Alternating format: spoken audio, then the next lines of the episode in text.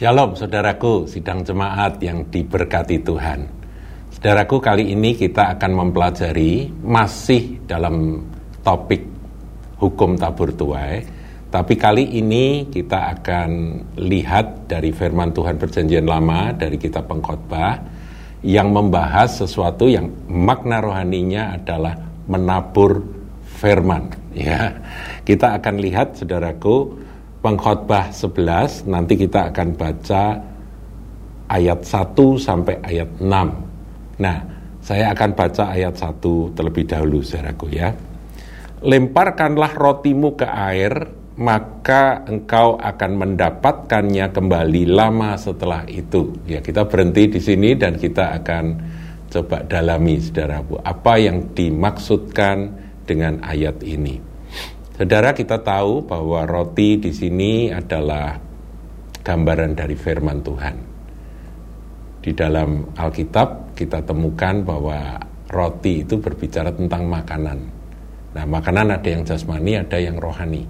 Nah, kalau ini kita tafsirkan menabur atau melempar roti ke air, air di sini gambarannya tentunya air yang mengalir seperti sungai gitu, membuang roti ke dalam sungai ya itu sepertinya perbuatan sia-sia. Tapi saudaraku, karena roti ini, kalau makna rohaninya adalah firman Tuhan, Yesus berkata, akulah roti yang turun dari sorga. Ya Tuhan Sang Firman berkata seperti itu. Jadi kalau kita memberitakan tentang Kristus kepada seseorang, kita harus berpedoman seperti apa yang ditulis dalam firman ini. Jangan berharap langsung orang itu menanggapi atau langsung orang itu mendengar berita Injil yang Anda sampaikan langsung bertobat terima Yesus. Ada terjadi seperti itu, saudaraku. Tapi kalau tidak terjadi, marilah kita eh, pegang akan firman ini sebagai keyakinan kita, sumber keyakinan kita. Dikatakan maka engkau akan mendapatkannya kembali lama setelah itu. Jadi kita melempar roti ke dalam air sepertinya perbuatan sia-sia. Lenyap rotinya wood ya karena arus air air sungai itu hilang.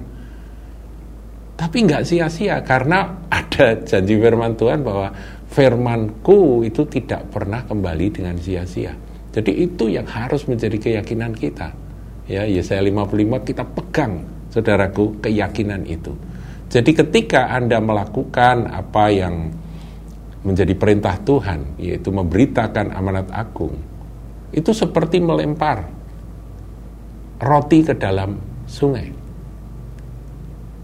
Saya percaya bahwa setiap firman yang saya sampaikan melalui YouTube ini, ini seperti melempar roti ke dalam air, karena bukan Anda saja yang uh, jemaat kahal saja yang menonton, tapi nanti suatu saat ada orang-orang yang oleh ketetapan Tuhan mereka akan mendengarkan kabar baik ini. Jadi ini sepertinya ngelempar aja, tapi nanti pasti ada hasilnya. Nah hasilnya itu adalah karya Roh Kudus, saudaraku. Ya dikatakan di situ engkau akan mendapatkannya kembali lama setelah itu. Jadi nanti lama bertahun-tahun kemudian ada orang berkata, Pak saya ini bertobat karena apa yang Bapak sampaikan lima tahun yang lalu gitu ya misalnya saudaraku ya. Jadi kita ini hanya melakukan bagian kita roh kudus lah yang akan mengerjakan bagian Tuhan. Nah kemudian di situ ada kata lama setelah itu. Jadi saudara harus sabar. Mungkin yang memberitakan sudah dipanggil pulang oleh Tuhan tapi beritanya firman yang dia sampaikan itu tetap bekerja tetap menjadi berkat dan tetap bisa uh, masuk dalam hati orang-orang ya apalagi zaman sekarang saudaraku ada YouTube, ada rekaman-rekaman yang lain, ada ini ini ini sifatnya menjadi apa ya abadi saudaraku ya abadi tanda kutip karena channel-channel seperti ini akan terus bisa diakses oleh siapa saja. Nah atas ketetapan Tuhan ini bisa menjadi berkat bagi mereka. Jadi lama, lama mungkin bertahun-tahun setelah itu ada orang-orang yang menerima berkat roti rohani itu. Ya, ini keyakinan kita. kemudian sikap berikutnya dikatakan berikanlah bahagian kepada tujuh bahkan kepada delapan orang. Tujuh itu angka sempurna. Jadi kalau kita memberitakan Injil itu jangan hemat-hemat. Kita harus dengan sepenuh hati kita coba sebarkan sebanyak mungkin. Kalau tujuh sudah sempurna, kalau perlu ditambah jadi delapan orang gitu ya. Kenapa? Karena kita nggak tahu malapetaka apa yang akan terjadi di atas bumi. Barangkali hari ini kita memberitakan akan kabar baik, keselamatan, karena kita tahu bahwa jalan keselamatan satu-satunya adalah melalui Yesus Kristus Tuhan. Kita beritakan tentang Yesus Kristus Tuhan pada seseorang, besoknya terjadi malapetaka. Malapetaka akan terjadi di atas bumi. Dikatakan begitu, saudaraku. Dia kembali ke kotanya, kotanya ada gempa bumi misalnya ya. Dia ikut jadi korban Nah, puji Tuhan kalau dia sudah terima kebenaran dan menjadi percaya. Jadi, saudara, kita ini nggak tahu apa yang akan terjadi, tapi kesempatan itu harus kita ambil. Kalau dorongan Roh Kudus kuat di hati Anda untuk share firman, untuk menceritakan tentang kasih Kristus, lakukan itu dengan sukacita, dengan dengan pengertian dasar pengertian dan keyakinan seperti ini.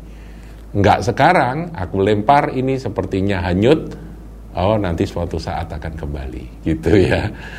Ke atau aku nggak tahu malah petaka apa yang akan terjadi. Mungkin ini adalah saat terakhir untuk orang tersebut mendengarkan kabar baik. Jadi pekalah pada Roh Kudus, saudaraku, untuk melakukan eh, tugas pemberitaan amanat agung. Ayat 3, bila awan-awan syarat mengandung hujan, maka hujan itu dicurahkannya ke atas bumi. Ada orang-orang yang berkata, ya aku menunggu hujan roh. Kalau hujan roh kudus turun, itu nanti pasti akan terjadi, uh, ini apa, akan terjadi tuayan besar. Aku nunggu waktu itu. Saudara, itu urusan Tuhan. Kita lihat awan, puji Tuhan, awannya sudah syarat mengandung hujan, nanti hujan akan turun. Tapi kita harus nabur benih.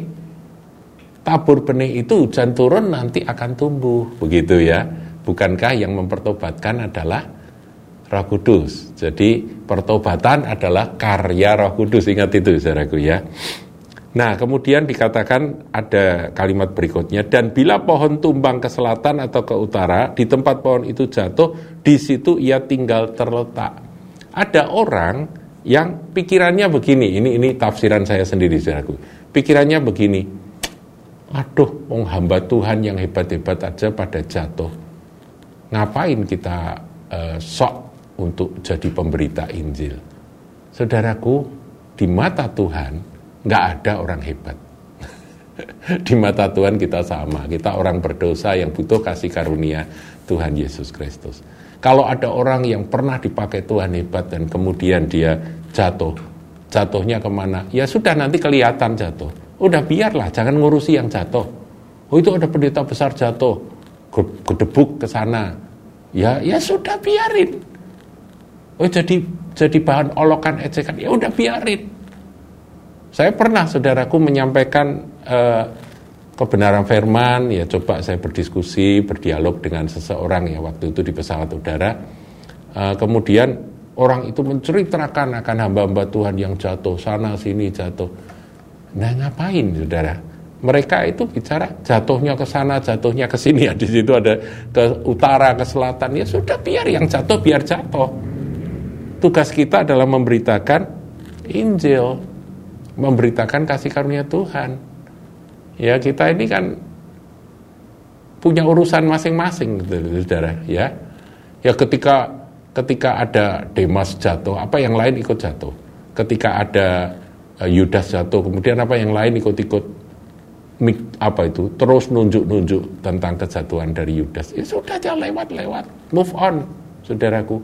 Bukan berarti kita tanpa belas kasihan ya yang jatuh itu kalau bisa di angkat lagi bisa di bisa ditolong ya ditolong. Tapi kita harus terus memberitakan Injil dan wah nanti kalau tidak ada ada kuasa Roh Kudus bekerja ya percuma.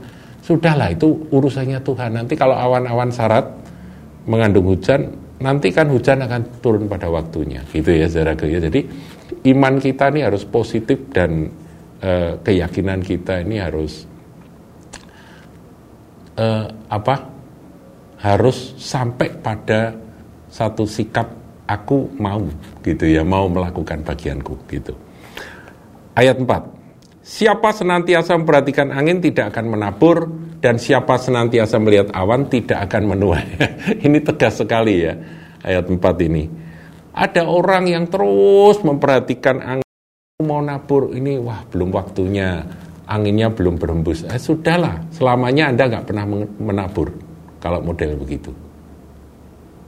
Ya boleh kalau nabur nanti kehembus angin terus benihnya nggak sampai jatuh ke tanah yang baik, kita rugi. Ya, ya itu juga diperhatikan. Tapi kalau terus menerus senantiasa memperhatikan angin, nanti istilah teman saya itu ada yang kakian gek istilahnya. Engkau nek ini tak tabur gek angin ini berhembus. Ya sudah, resiko tetap ada. Bukankah kita bahkan di atas sudah diajari kamu ngelempar ke air roti itu ke air itu kan seperti buang sesuatu yang berharga itu di air dan kemudian hanyut lenyap. Ya kan? Kalaupun ini taburan tiba-tiba dihembus angin ya sudah atas ketetapan Tuhan nanti kita percaya bahwa benih itu akan jatuh di tempat lain dan akan tumbuh gitu. Paham ya saudaraku ya? Nah demikian juga orang yang terus melihat awan nggak akan pernah menuai. Wah mana awan nggak ada hujan, nggak ada nggak ada Roh Kudus turun nanti juga nggak nggak akan apa itu nggak akan ada tuayan. Iyalah itu urusan Tuhan, urusan kita adalah ayo kita menabur dan menabur. Ingat hukum tabur tuai, saudaraku. Yang tidak menabur tidak akan pernah menuai.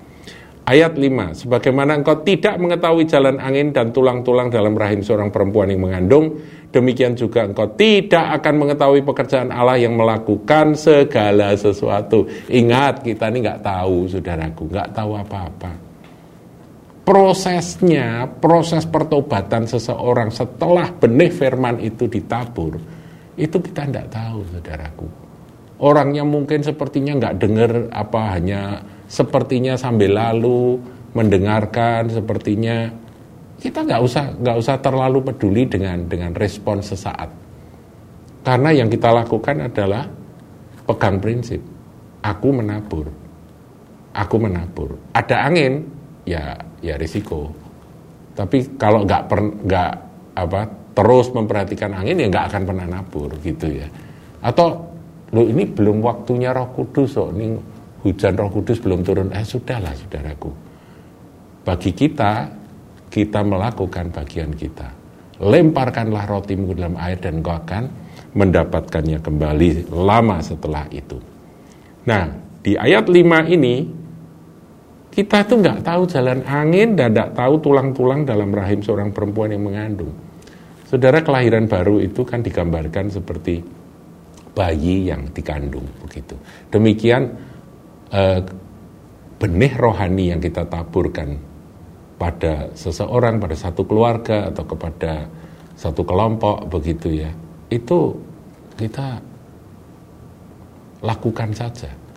Nanti bertumbuhnya kapan kita nggak tahu kalau kita sudah pegang akan firman yang berkata bahwa lama setelah itu ya kita jangan terlalu uh, apa jangan terlalu mengharapkan cepat berhasil gitu ya saudaraku ya. Ya demikian ayat 6 ini ayat terakhir. Taburkanlah benihmu pagi-pagi hari dan janganlah memberi istirahat pada tanganmu pada petang hari. Artinya ayo kita rajin saudaraku di dalam memberitakan kasih karunia Tuhan Yesus Kristus kepada semua orang dengan cara kita masing-masing. Ya, jadi Anda yang punya punya kesempatan-kesempatan untuk melakukannya, lakukanlah itu dengan sukacita. Dan kemudian karena dikatakan karena engkau tidak mengetahui apakah ini atau itu yang akan berhasil. Yang mana yang akan berhasil? Ya sudah lakukan saja. Dengan cara apa ya lakukan saja, ya kami upload akan akan uh, apa itu firman-firman dan kami kirimkan kepada siapa saja yang diharapkan akan mendengarkan akan firman itu, ya lakukan saja. Kami masukkan ke YouTube dan kemudian kami coba kirimkan akan link YouTube itu kepada orang-orang yang kita anggap membutuhkan firman. Apakah akan didengar atau tidak? Apakah akan dibuka atau tidak?